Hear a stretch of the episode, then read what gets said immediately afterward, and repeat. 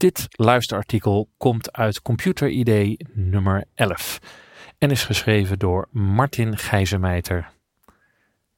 Online teamwork, de beste tools voor samenwerking. We hoeven u vast niet te vertellen dat u samen met anderen meer voor elkaar krijgt dan in uw eentje.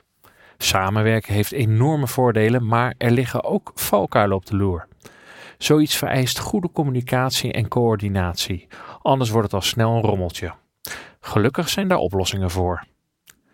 We werken met z'n allen inmiddels al zo'n jaar of 15 online, maar echt goede tools die ons in staat stellen om samen te werken, zien we pas sinds de laatste jaren. Met dit soort diensten, die we in dit artikel zullen bespreken, kunt u heel eenvoudig documenten en projecten samen oppakken, waarbij u vaak ook rechtstreeks via de dienst kunt communiceren. We zetten de beste tools voor samenwerking voor u op een rij. Wunderlist. Een van onze favoriete samenwerkingstools is een dienst die oorspronkelijk helemaal niet bedoeld was voor samenwerking. Wunderlist is namelijk van oorsprong ontworpen als een dienst voor het bijhouden van uw activiteiten, ofwel een to-do-lijst. Wunderlist was een van de eerste multiplatform apps op dit gebied. Of u nu werkt op een iPhone of op een Android-toestel of via een webbrowser, u kunt altijd en overal uw to-do-lijst bijwerken. Het leuke hiervan is dat u tegenwoordig ook anderen kunt uitnodigen om bij te dragen aan de lijst. U kunt vervolgens samen taken aanmaken en voltooien, maar u kunt ook taken aan deelnemers in een lijst toewijzen, zodat precies duidelijk is welke taak bij wie ligt.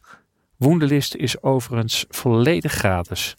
Er zijn ook betaalde accounts mogelijk, maar die draaien om zulke specifieke zakelijke functies dat u en wij ze waarschijnlijk nooit nodig zullen hebben.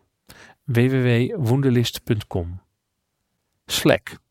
Als we het over tools hebben om samen te werken, is Slack zonder twijfel de meest krachtige in deze lijst, maar ook meteen de meest complexe.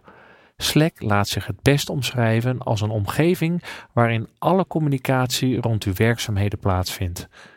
Het gaat voor dit artikel wat te ver om een complete how-to te schrijven, maar in essentie werkt het als volgt.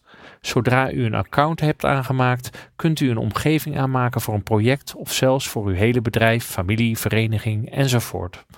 In die omgeving kunt u in het openbaar met elkaar spreken, maar ook privélijntjes openen om zaken te bespreken. U kunt mensen taggen, zodat zij een notificatie krijgen en u kunt bestanden delen waaraan kan worden samengewerkt. Het is daarnaast mogelijk om allerlei diensten van derden aan Slack te koppelen, zodat u het volledig kunt afstemmen op uw behoeften.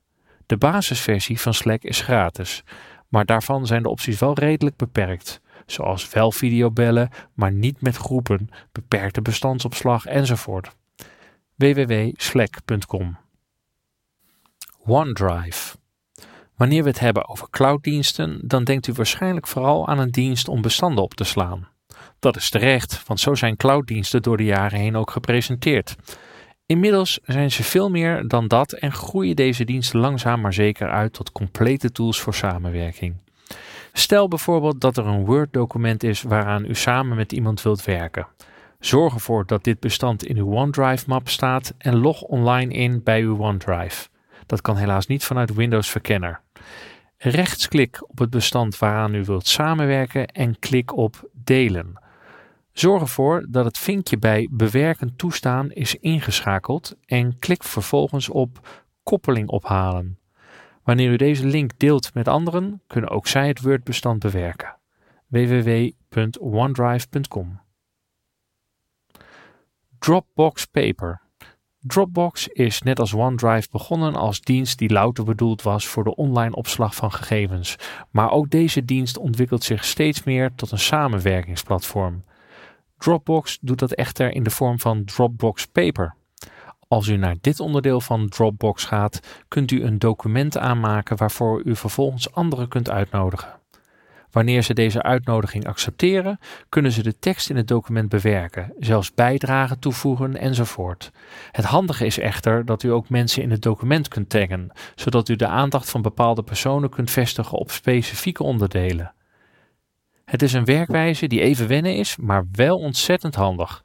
En aangezien Dropbox gratis is, vinden we dit een prima tool voor samenwerking. www.dropbox.com Office Online Hoewel er tegenwoordig prima alternatieven zijn, denken we bij het werken aan tekstdocumenten toch vooral eerst aan Microsoft Word. Gelukkig heeft ook Microsoft niet stilgezeten op het gebied van samenwerking en kunt u vrijwel alle Office-programma's eenvoudig mensen uitnodigen om samen te werken aan uw document. Stiekem was dat niet zo heel moeilijk, want Microsoft is eigenaar van OneDrive en maakt simpelweg gebruik van de samenwerkingsmogelijkheden van dat platform. Wanneer u wilt samenwerken aan een document, klikt u rechtsboven op Delen, waarna het programma vraagt of u het document wilt uploaden naar uw clouddienst voor samenwerking of dat u het wilt toevoegen als bijlage, in welk geval er dus meerdere versies kunnen ontstaan. Op deze manier kunt u dus heel eenvoudig samenwerken, zolang u maar beschikt over een OneDrive-account. En als u een Microsoft-account hebt, dan is dat zo. www.office.com iCloud Apps Officieel zouden we iCloud-apps niet noemen in een artikel over samenwerking, omdat iCloud een platform is dat zich beperkt tot de hardware van Apple, namelijk iPhones, iPads en allerhande Macs. Toch nemen we iCloud in dit artikel op, omdat Apple het, tegen zijn gewoonte in, mogelijk heeft gemaakt om bestanden, die bijvoorbeeld vanuit Pages worden gedeeld, te bewerken, zelfs als men geen Apple software of iCloud-account heeft. Laten we ter illustratie een Pages document delen met iemand die geen Apple ID en geen Mac heeft. We loggen daarvoor in op iCloud en klikken op Pages. Vervolgens maken we het document aan dat we willen delen, of we gebruiken een bestaand document en klikken rechtsboven op personen toevoegen. Het pictogram met een silhouet van een persoon en een plusteken. Zorg ervoor dat u in het uitklapmenu naast toegankelijk voor klikt op iedereen met de link. Doet u dat niet, dan heeft de persoon in kwestie wel een Apple ID nodig om het document te kunnen bewerken. Wanneer u nu klikt op Deel, krijgt u de link naar dit document in iCloud. Iedereen aan wie u de link stuurt, kan het document bewerken in de webinterface van iCloud, zonder dat zij daar zelf de software voor nodig hebben of moeten inloggen. Let op, zorg er dus wel voor dat u de link niet zomaar overal laat slingeren, want iedereen kan dit document dus bewerken www.icloud.com. Google Documenten. Microsoft heeft zoals gezegd inmiddels prima opties voor het delen en samenwerken in documenten, maar laten we niet vergeten dat Google eerst was. Al direct vanaf de ontwikkeling van Google Documenten was samenwerking een speerpunt, omdat Google, terecht zo blijkt, dacht dat daar de toekomst lag. Om die reden is samenwerken in Google Documenten dan ook heel eenvoudig. Het concept is door de jaren heen echter behoorlijk geperfectioneerd. Log met uw Google-account in bij Google Documenten en klik bijvoorbeeld op Documenten om een tekstdocument aan te maken. Eenmaal in het document klikt u rechtsboven op Delen. In het venster dat verschijnt, klikt u op het pictogram met het potlood en vervolgens op Mag bewerken om aan te geven dat de personen met wie u het document deelt rechten hebben om dit document te bewerken. Wanneer u ook nog op extra opties onderin klikt, kunt u bijvoorbeeld aangeven dat u niet wilt dat andere gebruikers rechten aan anderen mogen verlenen om documenten te bewerken. Zo voorkomt u dat het samenwerkingsproces alsnog een rommeltje wordt. Klik op verzenden om de uitnodiging te versturen. Wanneer iemand de uitnodiging accepteert en aan de slag gaat in het document, ziet u zijn of haar aanwezigheid in het document door middel van een gekleurde cursor en realtime wijzigingen. Vooral dat laatste is even wennen, maar zal uiterst efficiënt blijken. docs.google.com Pinterest.